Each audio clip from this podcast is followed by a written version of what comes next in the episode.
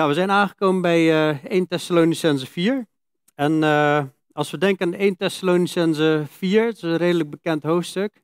Misschien heeft iemand direct een gedachte. Wat komt als eerste in je op als je aan 1 Thessalonicense 4 denkt? Nog niet kijken in de Bijbel, maar gewoon is iemand. Heeft iemand een gedachte? Ja? De opname. Ja, daar is het uh, gedeelte inderdaad het meest uh, bekend om. Daar kom ik zo nog even op terug. Um, even kort voor degene die uh, misschien even zo even nieuw hier invallen. Um, de Thessalonicense gemeente ligt hier bovenin Griekenland. En dat was tijdens de tweede reis van Paulus, zendingsreis, was hij allemaal gemeenten aan planten. En het ging onder heel veel verdrukking, heel veel vervolging. En uh, zo ook hier. En uh, ja, zo in verdrukking, in vervolging, in de opstand van de Joden ontstond deze eh, gemeente. En hij schrijft ze vrij snel daarna een brief ter bemoediging. En de hoofdlijnen zijn eigenlijk dat ze een heel krachtig getuigenis hebben. Ze zijn tot geloof gekomen en hebben het eigenlijk ja, met, een, met een heel open hart hebben ze het aangenomen. En ze wandelen er ook echt in. En de getuigenis was zo sterk dat in heel Griekenland werd dat bekend. Timotheus die wordt gestuurd ter bemoediging omdat ze vervolging hebben, verdrukking. Hij legt uit dat verdrukking, moeilijkheden voor christenen, dat is normaal. En hij wil erachter komen of de verzoeker hun misschien verzocht had. Daar hebben we de vorige keer over gehad. We leren ook wat de wil van God is. Levensheiliging, klaar zijn voor zijn komst. Daar hebben we het onder andere vandaag over. En Jezus' komst wordt heel erg veel genoemd in deze brief. In verhouding voor zijn korte brief wordt hij heel veel genoemd. En mogelijk waren hier ook zorgen over. Er waren mensen gestorven en ze waren misschien bang dat ze iets gemist hadden. Nou, ik stelde de vraag al, waar denk je als eerste aan bij 1 Thessalonicense 4? Nou, dan, uh, ik had ook verwacht de opname, zeg maar. Alleen het bestaat eigenlijk uit twee gedeeltes. En het eerste gedeelte, is wat minder bekend, terwijl er wel iets heel erg belangrijks in staat. Dus ik hoop dat na vanavond, dat wanneer we denken aan 1 Thessalonicense 4, dat we en denken aan de opname, maar ook denken aan het andere gedeelte. Nou, laten we beginnen met het te lezen. Het zijn uh, 18 uh, versen. Verder, broeders, vragen wij u en roepen wij u er in de Heer Jezus toe op dat u, zoals u van ons ontvangen hebt, hoe u moet wandelen en God behagen, daarin nog meer overvloedig wordt. Want u weet welke bevelen wij u gegeven hebben op gezag van de Heer Jezus. Want dit is, dit is de wil van God, uw heiliging, dat u uzelf onthoudt van de ontucht. En dat ieder van u zijn lichaam weet te bezitten in heiliging en eerbaarheid, en niet in hartstochtelijke begeerte, zoals de heidenen die God niet kennen. Laat niemand over zijn broeder heen lopen en hem bedriegen door zijn handelwijze. Want de Heere is een wreker van dit alles, zoals wij u ook van tevoren gezegd en bezworen hebben. Want God heeft ons niet geroepen tot onreinheid, maar tot leven in heiliging. Daarom, wie dit verwerpt, verwerpt niet een mens, maar God, die ook zijn heilige geest in ons heeft gegeven. Wat nu de broederliefde betreft, hebt u het niet nodig dat ik u schrijf. Want u bent zelf u bent zelf door God onderwezen om elkaar lief te hebben. U doet dat ook ten opzichte van alle broeders die in heel Macedonië zijn. Macedonië is de noordelijke provincie van Griekenland. Wij roepen u er echter toe op, broeders, dat nog veel meer te doen. En er een eer in te stellen rustig te zijn en uw eigen zaken te behartigen. En te werken met uw eigen handen, zoals wij u bevolen hebben. Opdat u op een gepaste wijze wandelt ten opzichte van hen die buiten staan en niets nodig hebt. Maar ik wil niet, broeders, dat u onwetend bent ten aanzien van hen die ontslapen zijn, opdat u niet bedroefd bent, zoals ook de anderen, die geen hoop hebben. Want als wij geloven dat Jezus gestorven en opgestaan is, zal ook God op dezelfde wijze hen die in Jezus ontslapen zijn, terugbrengen met hem. Want dit zeggen wij u met een woord van de Heer, dat wij, die levend zullen overblijven, tot de komst van de Heer, de ontslapenen beslist niet zullen voorgaan. Want de Heere zelf zal met een groep, met de stem van een aartsengel en met een bazuin van God neerdalen uit de hemel. En de doden die in Christus zijn, zullen eerst opstaan. Daarna zullen wij, de levenden die overgebleven zijn, samen met hen opgenomen worden in de wolken, naar een ontmoeting met de Heere in de lucht. En zo zullen wij altijd bij de Heere zijn. Zo dan, troost elkaar met deze woorden.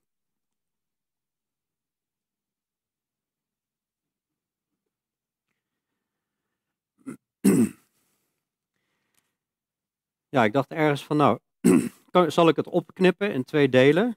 Maar ik dacht dat het ergens wel goed zou zijn, omdat, uh, om het samen, om het in zijn geheel te behandelen, het hele hoofdstuk. Ook omdat hoofdstuk 3, vers 13, dat, uh, het, Paulus eindigde met een gebed, vers 11 tot en met 13, hoofdstuk 3. Maar in vers 13 zegt hij, hè, dan bidt hij eigenlijk God dat hij uw harten zou versterken om onberispelijk te zijn in heiliging voor het aangezicht van onze God en Vader bij de komst van onze Heer Jezus Christus met al zijn, met al zijn heiligen. En dus ja, hij bidt voor versterkte harten, onberispelijk te zijn in heiliging, terwijl we eigenlijk de komst van Jezus verwachten en ja, dus eigenlijk klaar zijn voor zijn, uh, voor zijn komst. En zo zie je hoofdstuk 4 is eigenlijk ook zo ingedeeld. In, in levensheiliging, het tweede deel, is eigenlijk gewoon, uh, gaat over de opname, gaat over Jezus' komst. Is een wat uitgebreider stukje over Jezus' komst.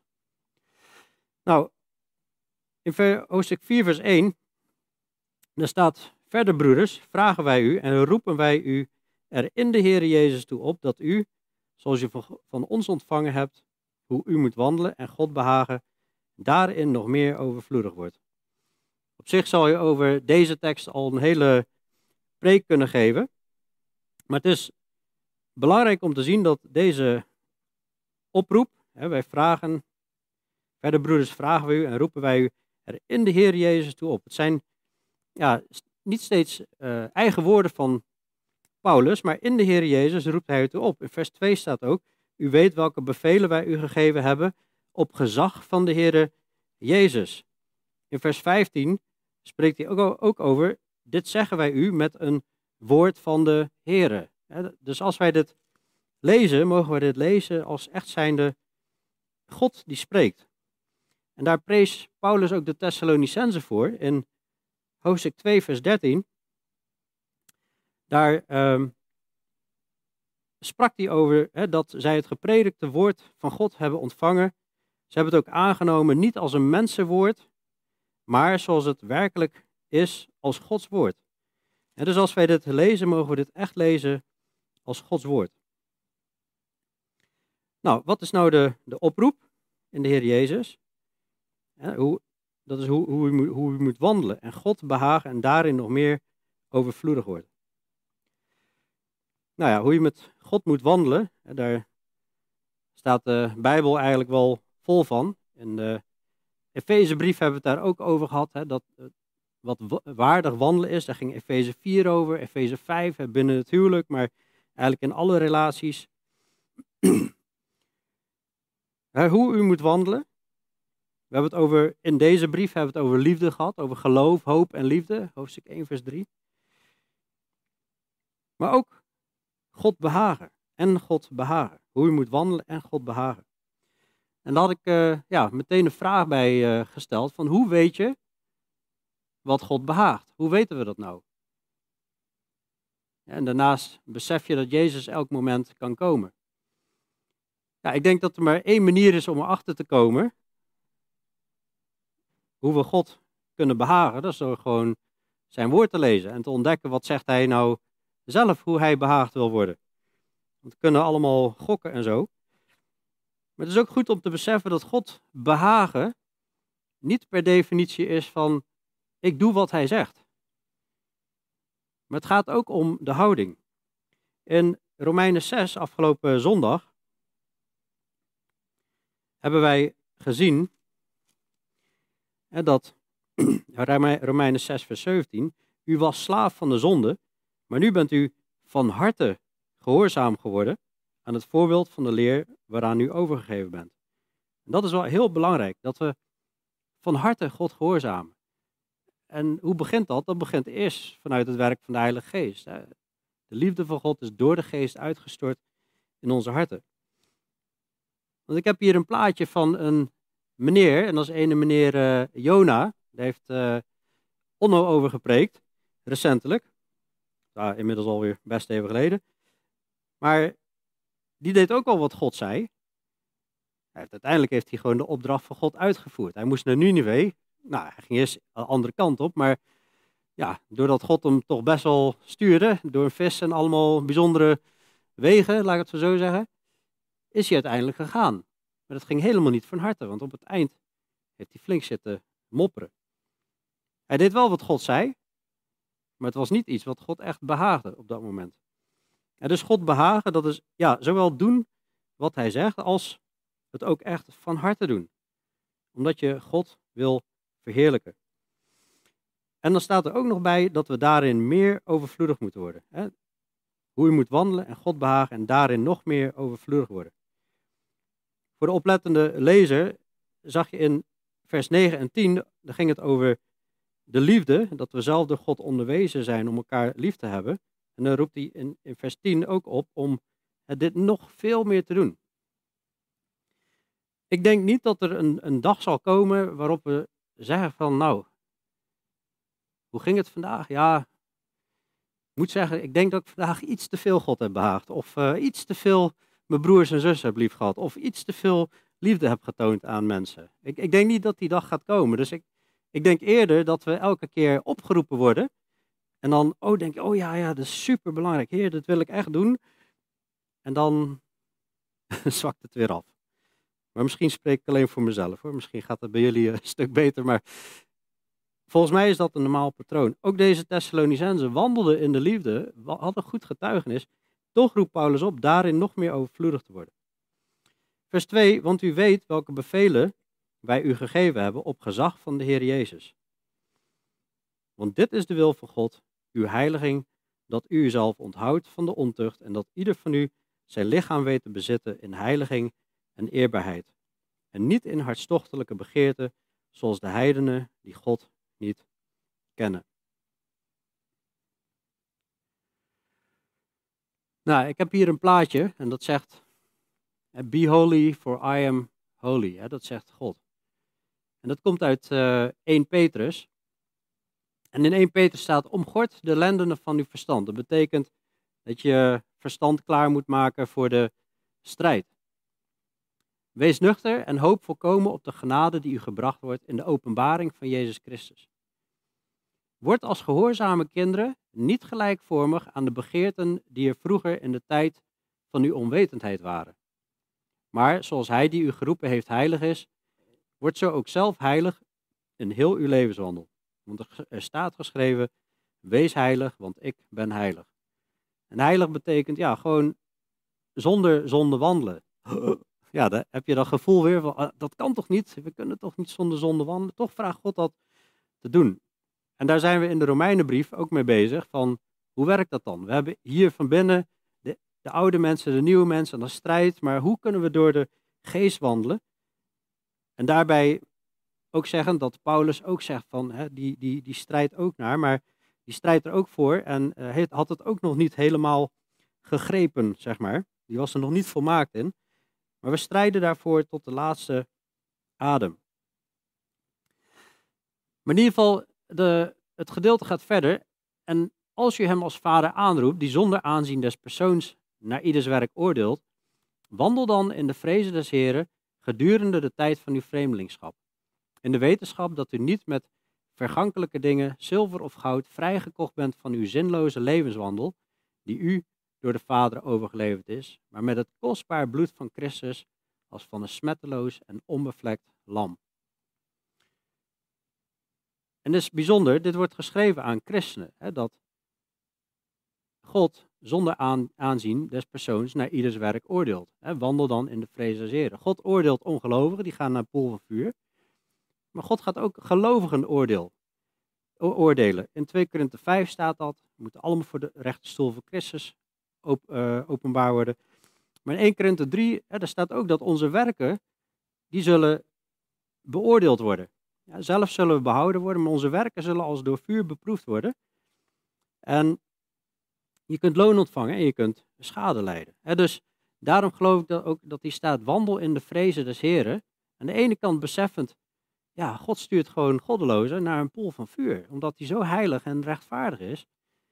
En tegelijkertijd worden wij ook beoordeeld. Maar God wil ons vooral ook loon geven. En hier zie je ook dat die vroegere levenswandel was zinloos. Leven in al die hartstochten, al die begeerten, dat is gewoon je tijd en je leven verspillen voor God. Hebreeën 13, vers 4 zegt heel duidelijk: Laat het huwelijk bij allen in ere zijn en het huwelijksbed onbevlekt. Want ontuchtplegers, voereerders en overspelers zal God oordelen. Tenzij we vergeving vragen. Er staat ook in 1 Johannes 3, vers 2: Geliefde, nu zijn wij kinderen van God en het is nog niet geopenbaard wat wij zullen zijn. Maar wij weten dat als Hij geopenbaard zal worden, wij Hem gelijk zullen zijn. Want wij zullen Hem zien zoals Hij is. En ieder die deze hoop op Hem heeft, reinigt zich zoals Hij rein is. Dus hier zie je ook hè, dat ja, het verwachten van Jezus komt, komst, ieder die deze hoop op Hem heeft, reinigt zich zoals Hij rein is. Dus, dus dat wordt steeds gekoppeld aan elkaar. Jezus komst verwachten en klaar zijn voor zijn komst. Wij worden ook de bruid van Christus genoemd. En als Jezus komt om zijn bruid te halen, wil hij ook dat wij rein zijn, onbesmet. Hè? Eigenlijk in, in een mooi huwelijksgewaad staan. Huwelijksjurk.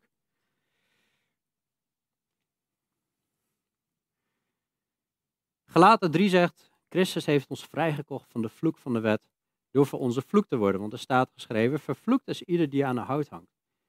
En Jezus heeft hiervan, ons hiervan vrijgekocht. En het is ook goed om te beseffen dus dat op deze dingen, daar rust gewoon een vloek. Hier vanuit komt het oordeel. Dat is pittig om te horen, maar dat is wel wat de waarheid is.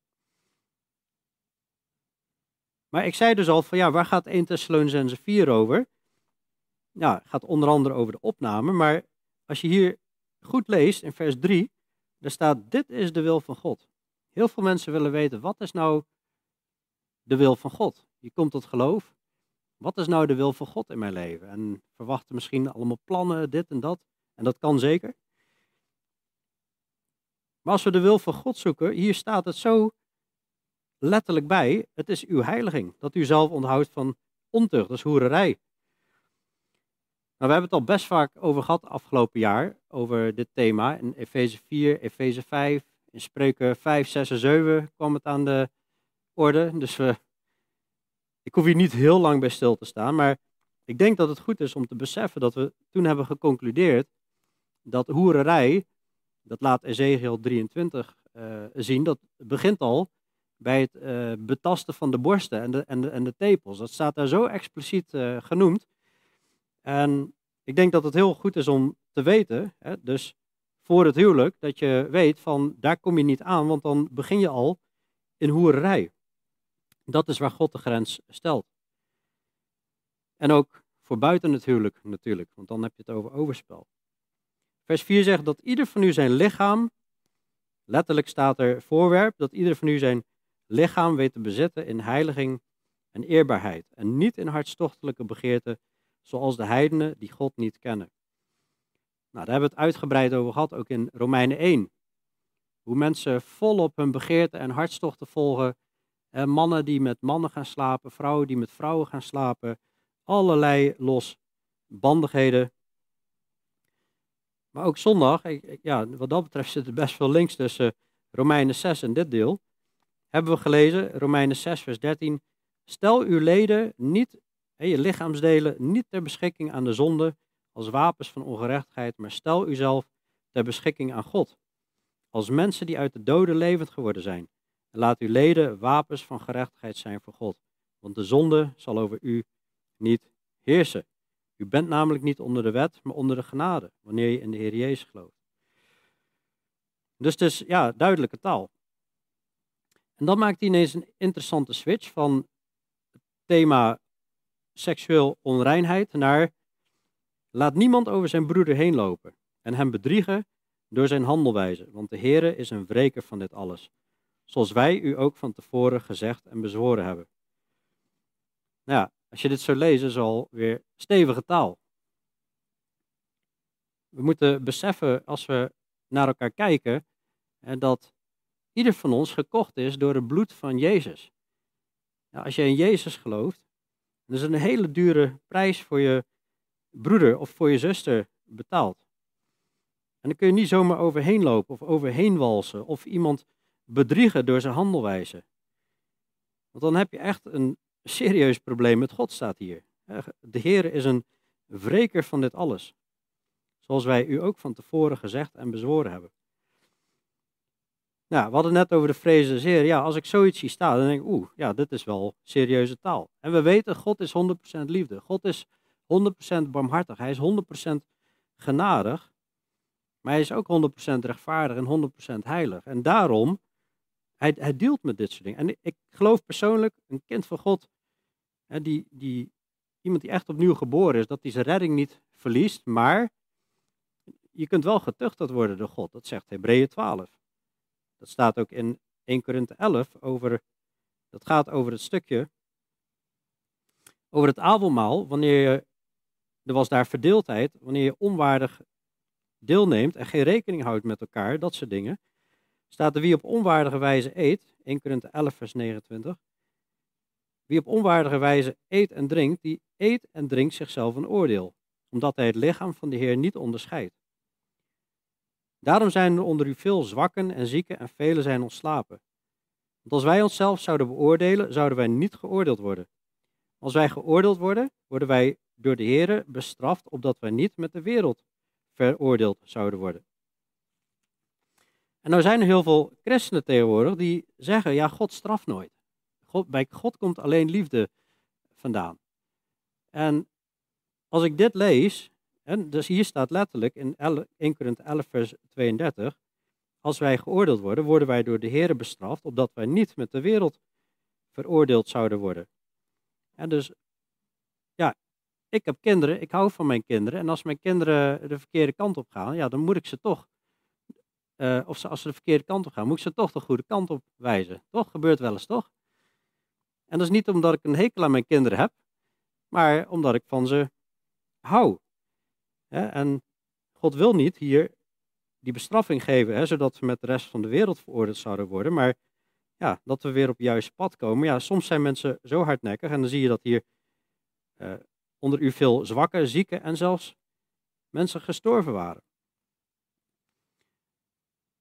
Dus ik vind het niet eerlijk als, uh, als, als christenen zeggen, ja, God straft niet en uh, liefde komt alleen van God en straf komt niet van God. God wil niet straffen, want het is gewoon, het is gewoon niet waar. Het is gewoon een, een leugen. Hier staat heel duidelijk, 1 Thessalonians 4 vers 6, de Heer is een wreker van dit alles als je over broeders of zusters heen loopt.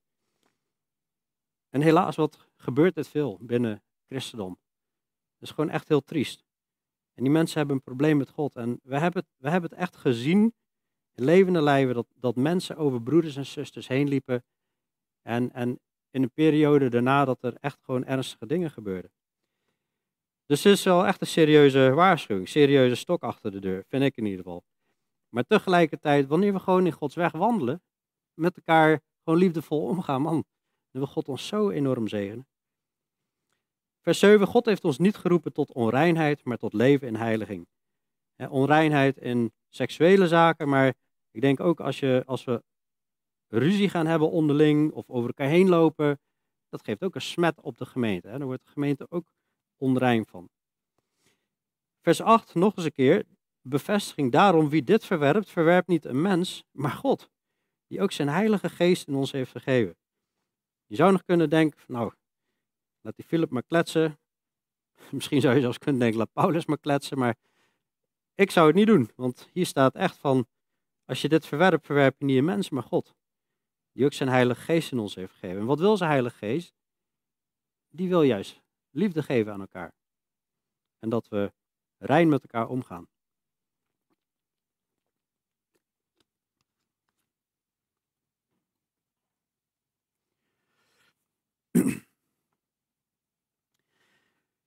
Dan heeft hij nog een uh, stukje wat gaat over 9, vers 9 en 10, over de liefde. We hebben daar in hoofdstuk 1 al heel uitgebreid bij stilgestaan, bij geloof, hoop en liefde. Vers, vers 9 zegt, wat nu de broederliefde betreft, hebt u het niet nodig dat ik u schrijf, want u bent zelf door God onderwezen om elkaar lief te hebben. Dan zou ik nog willen aanmoedigen, als je thuis verder wil uitwerken of bekijken dit stuk, om ook eens Romeinen 12 te lezen, vers 9 tot 21. Dat is zo ontzettend praktisch hoe, in, hoe we in liefde met elkaar om kunnen gaan. komen we ook nog op uit hè, met de Romeinen-serie. En 1 Korinthe 13, die hebben we in hoofdstuk 1 ook eens opengeslagen en bekeken, het hoofdstuk van de liefde. Enorm veel wijsheid staat erin, in hoe we elkaar lief kunnen hebben. Maar we zijn zelf door God onderwezen om elkaar lief te hebben. Het is Gods geest in ons die ons dat duidelijk maakt. En de geest van de waarheid, die ons ook leidt in heel deze waarheid, in zijn waarheid, in Gods waarheid. En ik zei het net ook al, in vers 10 zie je dan ook nog de oproep, want u doet dat ook ten opzichte van elkaar, eh, van alle broeders die in heel Macedonië zijn. Wij roepen u echter toe op, broeders, dat nog veel meer te doen. Dus uh, liefde mag je volgens mij altijd jezelf in onderzoeken. Er kan ergens altijd het zwakt weer af, kan altijd overvloediger zijn. Eh. Waarbij ik niet wil zeggen dat we onszelf helemaal overspannen moeten werken. En uh, dat is ook niet de bedoeling. Maar in ieder geval heel goed alert te zijn natuurlijk. En dan komt er een hele aparte tussendoor, vers 11 en 12. En er een eer in te stellen, rustig te zijn. En uw eigen zaken te behartigen en te werken met uw eigen handen, zoals wij u bevolen hebben. Opdat u op een gepaste wijze wandelt ten opzichte van hen die buiten staan en niets nodig hebben. Nou, dit gaat niet over evangelisten of over uh, voorgangers uh, die onderhouden zouden mogen worden, maar dit gaat over mensen die gewoon, uh, en het vermoeden bestaat, het staat natuurlijk niet bij, maar Paulus is een hele korte tijd bij hun geweest in verhouding, bij de Thessalonicenzen. En moesten op de vlucht vanwege die opstandige Joden. En hij heeft hem verteld over de wederkomst van Jezus. En het zou kunnen zijn dat sommigen al zo die komst van Jezus verwachten dat ze eigenlijk gestopt waren met werken. En uh, misschien een combinatie uh, van de verhalen vanuit Jeruzalem, dat uh, iedereen deelde alles. niemand zei dat iets wat van hem was ook van hem was. Ze hadden alle dingen gemeen. En dan vanuit dat beeld, dat ze misschien gedacht hebben, nou, er zijn hier genoeg rijken onder ons midden. En nou, gaan even niet meer werken, zeg maar, want Jezus komt toch bijna. Nou, hij roept hier gewoon heel duidelijk op, gewoon werken met je eigen handen zoals wij u bevolen hebben. Opdat u op een gepaste wijze wandelt ten opzichte van hen die buiten staan en niets nodig hebt. Het is niet helemaal duidelijk wat de situatie was, maar dat zou uh, ermee te maken kunnen hebben. En dan komt hij op het stukje over, uh, ja, zeg maar de, de opname. En ik moet zeggen, we hebben hier uh, ja, dus een, een, een preek over die hier helemaal specifiek over gaat. Ook over wanneer is de opname. Ik zal er zo iets over zeggen. Maar als je een uitgebreidere versie hierover wil horen, dan uh, kun je die terugluisteren op ons uh, kanaal.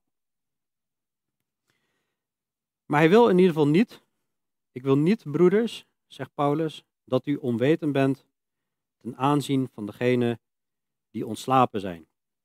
Daarmee bedoelt hij die, de mensen die gestorven zijn in Christus. Opdat u niet bedroefd bent zoals ook de anderen die geen hoop hebben. Want als wij geloven dat Jezus gestorven en opgestaan is, zal ook God op dezelfde wijze hen die in Jezus ontslapen zijn, terugbrengen met hem. Nou, het woord ontslapen, dat betekent dus gestorven, maar er zit wel het woord slaap in. Er zijn mensen die denken dat christenen in een zielenslaap gaan totdat Jezus terugkomt. Dat geloof ik niet. Want in het verhaal van de misdadiger aan het kruis, die in hem geloofde, die zei tegen Jezus, wilt u mij gedenken als u in het paradijs bent? En toen zei Jezus tegen hem, vandaag zul je bij mij in het paradijs zijn. Dus die gingen op dat moment, toen die man stierf, ging die naar het paradijs. Ik geloof wel dat ons lichaam in een soort slaapstand gaat. Het vergaat wel. Maar het wordt gezaaid in vergankelijkheid en het wordt opgewekt in onvergankelijkheid, zegt 1 Korinthe 15. Maar in ieder geval, ze zijn ontslapen. Dat is een uitdrukking van sterven. Opdat u niet bedroefd bent zoals ook de anderen die geen hoop hebben. En dat is iets wat we nu in deze tijd zo sterk om ons heen zien. Mensen zijn in paniek, mensen zijn in angst. En waarvoor? Voor de dood, voor het virus. Ze, ze, ze, ze, doen allemaal, allemaal noodgrepen. Ik kan het totaal niet meer volgen en tegelijkertijd kan ik het hartstikke goed volgen, want ten diepste zit er die angst voor de dood. Geen hoop hebben. En ik heb die angst niet, gelukkig. Ik hoef helemaal niet te vrezen voor de dood. Ik ben niet roekeloos. Ik, spring niet zomaar van een, van een flat en denk, ja, eh, ik ben niet bang voor de dood. En wanneer mijn tijd is, dan komt mijn tijd. Dat niet. Maar ik weet wel gewoon, als het mijn tijd is, is mijn tijd. Kijk eens naar Johannes de Doper. Die zat in de gevangenis, maar eerst had hij grote bediening en ineens wordt hij onthoofd. Toen was het zijn tijd. Maar wij hebben een hoop als iemand van ons sterft, als iemand van ons uh, overlijdt, hoeven wij niet bedroefd te zijn zoals anderen. Natuurlijk zullen we mensen missen en de aanwezigheid voor misschien een paar jaar of tientallen jaren zullen we zeker missen. Maar die hoop, dat geeft eigenlijk blijdschap dat we elkaar weer zullen zien. Want als wij geloven dat Jezus gestorven en opgestaan is, zal ook God op dezelfde wijze hen die in Jezus ontslapen zijn terugbrengen met hem. Dus wat is nodig? Geloven dat Jezus gestorven en opgestaan is. En dan zal God op dezelfde wijze hen die in Jezus ontslapen zijn terugbrengen met hem. Nou, hoe gaat dat in zijn werk, zou je hier nog af kunnen vragen. Nou, dat gaat Paulus uitleggen, want dit zeggen wij u met een woord van de Heer, dus niet door Paulus zelf bedacht, dat wij, die levend zullen overblijven, tot de komst van de Heer, de ontslapenen beslist niet zullen voorgaan. Dus dat betekent dat wanneer Jezus terugkomt, dat wij geen voorrang hebben op degenen die al gestorven zijn. Want de Heer zelf zal met een geroep, met de stem van een aartsengel en met een bazuin van God neerdalen uit de hemel. En de doden die in Christus zijn, zullen eerst opstaan. En daarna zullen wij, de levenden die overgebleven zijn, samen met hen opgenomen in de wolken naar een ontmoeting met de Heer in de lucht. Zo zullen wij altijd bij de Heer zijn. Zo dan troost elkaar met deze woorden. Dit wordt echt een, een bizarre happening. Als je dit leest. Hè. Op een bepaald moment dan zal de Heer zelf roepen. Wat hij roept, dat weten we niet. Dat staat er niet bij. Misschien zoals hij tegen Lazarus riep, kom naar buiten. En hij kwam naar buiten en hij leefde dat hij naar ons roept, kom omhoog. Alleen dan met een hele brute stem. En met de stem van een aartsengel en met een bazuin van God zal die neerdalen uit de hemel. Dit wordt een, een, een spectaculair, spectaculair fenomeen.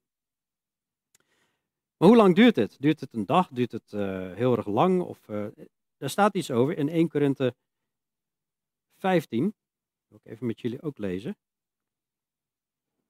Het zijn de kerndeeltes die gaan over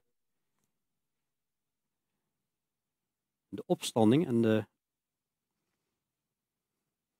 wat, wat, hier omschreven staat. 1 Korinthe 15, vers 50. Eigenlijk gaat het hele hoofdstuk grotendeels over de opstanding. Daar staat, dit zeg ik broeders, dat vlees en bloed het koninkrijk van God niet kunnen beërven. En de vergankelijkheid beërft de onvergankelijkheid niet. Dus wij kunnen niet met deze lichamen het koninkrijk van God binnengaan. Die moeten verwisseld worden. Zie, ik vertel u een geheim. We zullen wel niet allen ontslapen, niet iedereen zal sterven, maar we zullen alle veranderd worden. In een ondeelbaar ogenblik. Een blik met je ogen. In een oogwenk staat er ook nog achter. Dus razendsnel. Bij de laatste bezuin, immers de bezuin zal klinken en de doden zullen als onvergankelijke mensen opgewekt worden. En ook wij zullen veranderd worden.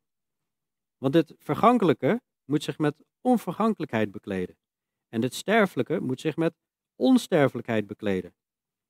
En wanneer dit vergankelijke zich met onvergankelijkheid bekleed zal hebben, en dit sterfelijke zich met onsterfelijkheid bekleed zal hebben, dan zal het woord geschieden dat geschreven staat, de dood is verslonden tot overwinning. Dood, waar is uw prikkel? Graf, waar is uw overwinning? De prikkel nu van de dood is de zonde. En de kracht van de zonde is de wet. Maar God zij dank, die ons de overwinning geeft door onze Heer Jezus Christus. Daarom, mijn geliefde broeders, wees standvastig, onwankelbaar, altijd overvloedig in het werk van de Heer, in de wetenschap dat uw inspanning niet te vergeefs in de Heer. Dus wat lezen we hier? Dat dit event wat, waar Paulus over schrijft in 1 Thessalonicense 4, gaat razendsnel gebeuren. In een ondeelbaar ogenblik. Supersnel. Voem, dan gaan de graven open en die gaan omhoog. De, de gestorvenen in Christus gaan omhoog. En in een fractie van het tel daarna gaan wij, die levend overgebleven zijn, er achterna. Er achteraan. Dit is bizar. En wanneer gebeurt dit? Met een bezuin van God. Wanneer de bezuin van God klinkt. En in 1 Korinthe 15, daar las je uh, bij de laatste bazuin. Maar let op, het gaat over de bezuin van God. Sommigen raken hier in de war. En verwarren dit met bezuinen van engelen in openbaring. Maar bezuinen van, de bezuin van de engel is iets anders dan de bazuin van God. Daardoor plaatsen sommige mensen de opname in de grote verdrukking. Maar goed, de doden, uh, terug naar 1 Thessalonicense 4, vers 16. De doden die in Christus zijn, zullen eerst opstaan. Laatste zin. Daarna zullen wij, de levenden die overgebleven zijn, samen met hen opgenomen worden in de wolken naar een ontmoeting met de Here in de lucht. En zo zullen wij altijd bij de Here zijn. Zo dan troost elkaar met deze woorden. Volgens mij is het vrij helder dat er een uh, opname omschreven wordt hier, toch? Dat is toch vrij duidelijke taal. En toch zijn er heel veel christenen die ontkennen dat er een opname is. Nou, mocht je nog twijfelen, in, in Johannes uh, eh, 14, ja, ik ga even wat uh, van tekst naar tekst nu, want het is, het is best wel studiemateriaal, maar in Johannes 14, daar spreekt Jezus over dat hij heen gaat om een plaats te bereiden. En wanneer hij heen gegaan is en een plaats bereid zal hebben, dan zal hij terugkomen en ons tot hem nemen. Dat staat in Johannes 14, vers 3. Als ik heen gegaan ben en plaats voor u gereed gemaakt heb, kom ik terug en zal u tot mij nemen, opdat ook u zult zijn waar ik ben. Dus hij is opgevaren naar de hemel, hij is een plaats aan bereiden en op een dag komt hij terug en zal ons tot hem nemen, opdat ook wij zullen zijn waar Jezus is. Zij zie het ook omschreven er zijn mensen die hebben een bepaalde theologie over de eindtijd. En daardoor past dit stukje er niet in. En vallen dit stukje aan van nee, dit is geen opname. De mensen uit de Word of Faith Movement, voor degenen die dat kennen, eh, daar verkondigen diverse mensen deze leer. En dan vallen ze bijvoorbeeld uh, dit stukje aan, maar ja, maar er staat helemaal nergens in de Bijbel. Het woord opname komt niet voor in de, in de Bijbel, wordt helemaal nergens genoemd. Nou, het klopt dat het woord opname niet in het Nieuwe Testament genoemd wordt, maar dat wil niet zeggen dat het fenomeen er niet is. Het woord drie-eenheid wordt ook niet genoemd in het Nieuwe Testament, maar dat wil niet zeggen dat het fenomeen er niet is. En er staat hier dat de gelovigen die gestorven zijn en overgebleven zijn, samen met elkaar opgenomen worden in de wolken naar de ontmoeting met de Heer in de lucht. Nu is het waar dat dat woord opgenomen ook op verschillende manieren vertaald kan worden. Maar ja, er staat nog meer in die zin. En dat gaat ook over in de wolken gaan naar een ontmoeting met de Heer in de lucht. Nou, dat is volgens mij vrij duidelijk. Dan zou je wel heel erg moeilijk moeten gaan doen met vertaling om dat allemaal een andere betekenis te gaan geven. Maar het woord opname staat dus wel in de Bijbel, niet letterlijk, maar de opname staat wel in de Bijbel. In het Engels spreken ze over rapture. Dat wordt ook aangevallen, maar rapture komt van het woord rapto. En in het Latijn betekent, is, is dit woord rapto. In de Latijnse vertaling is dit woord rapto, daar komt rapture vandaan. Dus rapture staat wel in de Bijbel, alleen in de Latijnse uh, vertaling. Ze worden opgenomen in de wolken naar de ontmoeting met de Heer in de lucht. En zo zullen wij altijd bij de Heer zijn. Zo dan vertroost of troost elkaar met deze woorden. Je ziet dus ook, het, eerste event wat eigenlijk Paulus verwacht, dat is deze opname. Want hij schreef in hoofdstuk 1, vers 9 en 10, dat ze van de afgoden bekeerd waren om de leven en waarachtige God te dienen en zijn zoon uit de hemelen te verwachten, die hij uit de dood heeft opgewekt, namelijk Jezus, die ons verlost van de komende toorn. Dus waar wachten de Thessalonicenzen op? Waar wacht Paulus op? Het eerste event waar hij op wacht is de opname. Hij die ons verlost van de komende toorn. Nou, het is natuurlijk een interessant uh, vraagstuk van uh, wanneer vindt nou deze opname plaats? Ik ga er dieper op in, in die, in die preek dus, maar uh, ik wil toch wel even kort bij stilstaan. Ik ga er wel vrij snel doorheen, maar de iets uitgebreidere versie is dus online terug te luisteren. Ik denk dat het belangrijk is om een aantal feiten op een rij te hebben. En dat is dat God een ander plan heeft met Israël.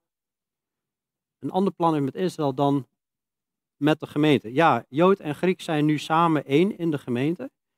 Maar God heeft een ander plan met Israël. En dat vind je in Romeinen 11. In Romeinen 11 staat dat we nu in de tijd van de heidenen zitten. Tot die tijd is volgegaan. Dan zal God Israël weer opwekken uit hun slaap en een, plan voortzetten met hun. En je ziet ook dat in 1948 Israël weer op zijn plek is gekomen, wat heel bijzonder is. Is een, vervulling van profetie.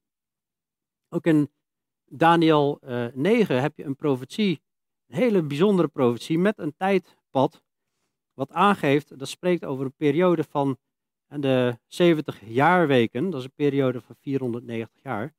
Een deel daarvan is al in vervulling gegaan en een deel daarvan moet nog in vervulling gaan. En dat gaat over de verzoening van het hele complete volk Israël. En dat is nog niet gebeurd. Dat is nog een toekomstig event. En dat zie je in het boek Openbaring, zie je weer de 144.000 en dat God weer echt met Israël aan de slag gaat. Ik geloof niet dat wij daar doorheen hoeven door die grote verdrukking. Ik geloof dat wij opgenomen worden van tevoren, hè, omdat uh, God dan, de genadetijd is dan voorbij en gaat God Israël zuiveren, reinigen en weer als zijn volk roepen. En dus Israëls plan komt na de gemeente. Dat lees je in Romeinen 11. Ik kan het helaas niet allemaal lezen nu, zou ik het liefst doen, maar dat uh, kun je daar teruglezen. Matthäus 24 is ook een belangrijk gedeelte. Dan worden de vragen gesteld over het einde. Wanneer is de, de verleiding en uh, al, die, al die dingen. En uh, wanneer is uw, uw komst? En dan, maar het gaat over de vraag van de komst van Jezus op aarde om te strijden tegen de volken, om koning te worden. Dan spreekt Jezus over dat het evangelie zal in heel de wereld gepredikt worden en dan zal het einde zijn. En daarna noemt hij de gruwel van verwoesting uit Daniel. En dat is een toekomstig event wat hij daar linkt aan de periode van de grote verdrukking. hij zegt dus, het evangelie zal in heel de wereld gepredikt worden en dan knip komt die grote verdrukking. Nou, wie zijn degenen die het evangelie verkondigen in heel de wereld? Dat zijn wij. Hè? Dus dat stopt dan ineens. En in het boek Openbaring zie je ook heel bizar dat er op een gegeven moment een engel vanuit de hemel het evangelie verkondigt. Dus het evangelie zoals het nu is, dat stopt en dan begint de grote verdrukking. Ook in Openbaring 1 vers 19, dan legt Jezus uit hoe we het boek Openbaring moeten lezen. Hij zegt tegen Johannes, schrijf op wat je gezien hebt, wat is en wat hierna zal geschieden.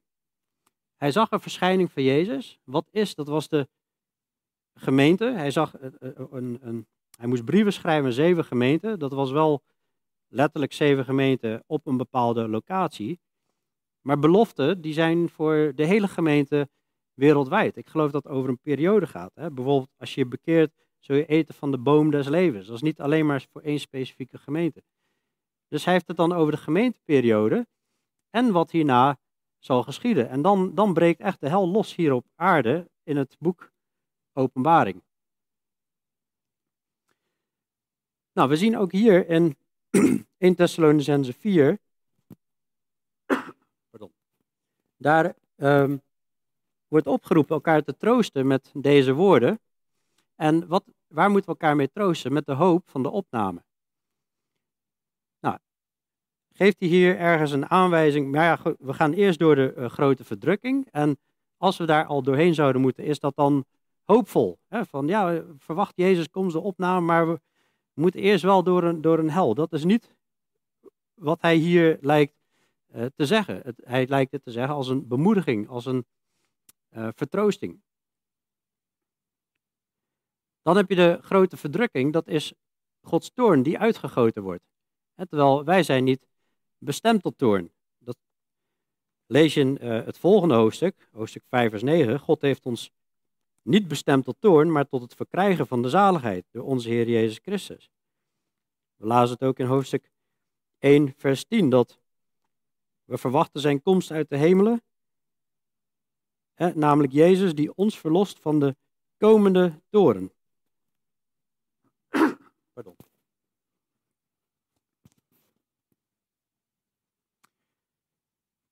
Maar die toorn van God, dat wordt omschreven in het hele boek Openbaring. Dat komt wel tien keer voor dat de toorn van God of de toorn van het lam, die komt dan over de aarde.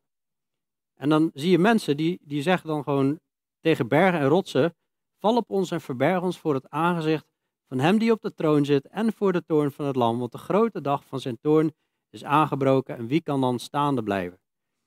Je krijgt echt met situaties te maken waar op een gegeven moment al het water in bloed verandert, waar geen eilanden en geen bergen meer zullen zijn, waar uh, hagel komt en, en echt zulke hagelstenen en er komt vuur en het wordt echt heel dramatisch. Het treft de hele wereld met heel veel doden en er wordt gezegd dat wij zijn niet bestemd tot toorn. Dit is echt Gods toorn wat uitgegoten wordt over de aarde. En er zijn mensen die zeggen, ja maar goed, misschien moeten wij net als uh, Israël in Egypte, misschien moeten wij er doorheen. Maar worden we daar gewoon van bewaard? Alleen dat staat nergens omschreven. dat is een gedachte van iemand, maar dat is niet omschreven.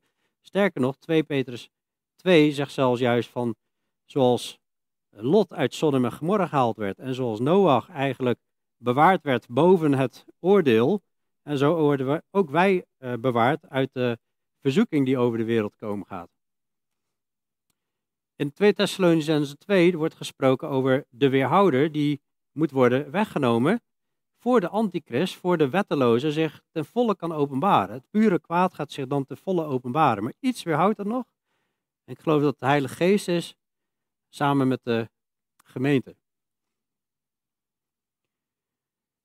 En de gemeente zelf, die zie je niet op aarde in de grote verdrukking, die helemaal omschreven wordt in het boek Openbaring. Die zie je nergens terugkomen. Je ziet 18 keer wordt het woord gemeente genoemd in hoofdstuk 2 en 3 van Openbaring. 18 keer. En dan ineens nergens meer. Nadat het tegen Johannes gezegd wordt: Kom hier omhoog en ik zal je laten zien wat hierna gebeuren moet. Wat wordt er wel genoemd? Eh, de 24 ouderlingen, waarvan ik geloof dat representeert de gemeente straks in de hemel. En de bruiloft van het lam. Dat is een hele belangrijke. De bruiloft van het lam, die vindt plaats voordat Jezus daadwerkelijk naar de aarde komt om hier koning te worden te gaan heersen. Dus als de bruiloft van het lam daar plaatsvindt en daarna hij naar beneden komt, dan moeten wij dus al boven zijn op dat moment. Wat, wat zie je ook? Uh, een groep mensen, dat zijn martelaren, specifiek uit de grote verdrukking. Niet over de hele periode vanaf Christus. Je ziet 144.000 uit Israël, ook niet de gemeente. Je ziet gelovigen die uit de grote verdrukking komen, nog een keer die uh, groep. Je ziet twee getuigen, en dat zijn bijzondere profeten. En ook hierom geloof ik dat wij, dat de genadetijd dan klaar is. Want die profeet, als iemand hun iets wil aandoen, die twee getuigen, dan komt er gewoon vuur uit hun mond. En ze kunnen hun gewoon niet te pakken krijgen. En ze kunnen alle rampen, alle plagen aanroepen die ze maar, willen. Dat zijn oordeelsprofeten. terwijl voor ons is de oproep om je naast lief te hebben en niet vuur te spuwen, zeg maar. Je ziet ook de rest van Israël, waar de draak achteraan gaat. Uh, en je ziet de ongelovigen, um, ofwel Babylon. Dus is even snel dat, waarom ik geloof dat de opname echt voor de grote verdrukking uh, plaatsvindt. En uh, ja, de bruid is dus in de hemel voordat Jezus terugkomt. Dus heel globaal geloof ik deze, dit event, 1 Thessalonicense 4, dat is het eerste wat we verwachten. Nou, dan komen al die rampen met allemaal zegels en bazuinen worden uitgegoten over de aarde. Israël heeft een verbond met de antichrist. De Satan wordt hier op aarde geworpen en dan openbaart die antichrist zich echt als de wetteloze. Eerst is hij de nep Messias en dan wordt hij geopenbaard als de wetteloze en dan krijg je Jacobs benauwdheid. Israël vlucht, het wordt echt... En dit, dit, dit wordt echt zeer, zeer duister, die laatste periode. Nou, als je het interessant vindt, we hebben door heel openbaring heen gepreekt. het zijn maar 22 preken, dus uh, heb je in ieder geval wat te doen in de lockdown. Uh, maar uh, in grotere lijnen geloof ik dat dit het overview is van de hele eindtijd. Wij leven hier, ongeveer 221 na Christus. De genadetijd is dat, verborgen door de eeuwen. Wij verwachten de opname en dan na de grote verdrukking, na die zeven jaar, komt Jezus terug om te heersen als koning voor duizend jaar. Staat in openbaring 20. Tot zes keer toe wordt over duizend jaar gesproken. Satan wordt dan duizend jaar gebonden. En daarna wordt hij nog één korte periode losgelaten om de mensen te misleiden. En dat lukt ook grotendeels. En dan is het oordeel voor de grote witte troon. Waar bij ieders naam, wie niet geschreven is in het boek des levens, Iedereen die daar niet in staat, die wordt geworpen in de eeuwige poel van vuur met de demonen, met de duivel. Dat is verschrikkelijk. En dan komt de nieuwe hemel en dan komt de nieuwe aarde en het nieuwe Jeruzalem. Ik heb dit, de eindtijd grondig bestudeerd en alle opties naast elkaar gelegd, alle gedeeltes bij elkaar gelegd die erover gaan. En in mijn optiek is dit, de beste uitleg die past. En uh, ik zeg niet dat er daar nog wel lastige stukjes in overblijven. Maar ik geloof wel dat dit de beste uitleg is die past. En overal in elk gedeelte een, is er een verklaring te vinden die uh, goed in harmonie past met uh, deze visie, zeg maar. Maar allerbelangrijkst, ben je klaar voor zijn komst? We mogen elkaar troosten met deze woorden. Als iemand het moeilijk heeft, als iemand overleden is, mogen we elkaar vertroosten. Jezus komt spoedig. Maar ben je klaar? Als we kijken in 1 Thessalonicense 3 vers 13, is het gebed van Paulus, en dan mag ook het ons gebed voor elkaar zijn, dat God onze harten zou versterken om onberispelijk te zijn in heiliging voor het aangezicht van onze God en Vader bij de komst van onze Heer Jezus Christus met al zijn heiligen. En het is geweldig om heilig te mogen wandelen, of in ieder geval daar steeds meer overvloedig in te worden, want dit is de weg van Gods zegen.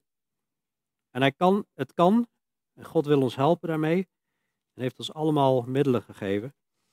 En wat een enorme bemoediging, ja, wat kan ons nog overkomen als we weten dat uh, God ons op een dag zo op gaat nemen? Of we nou nog ademen of niet. Super bemoedigend.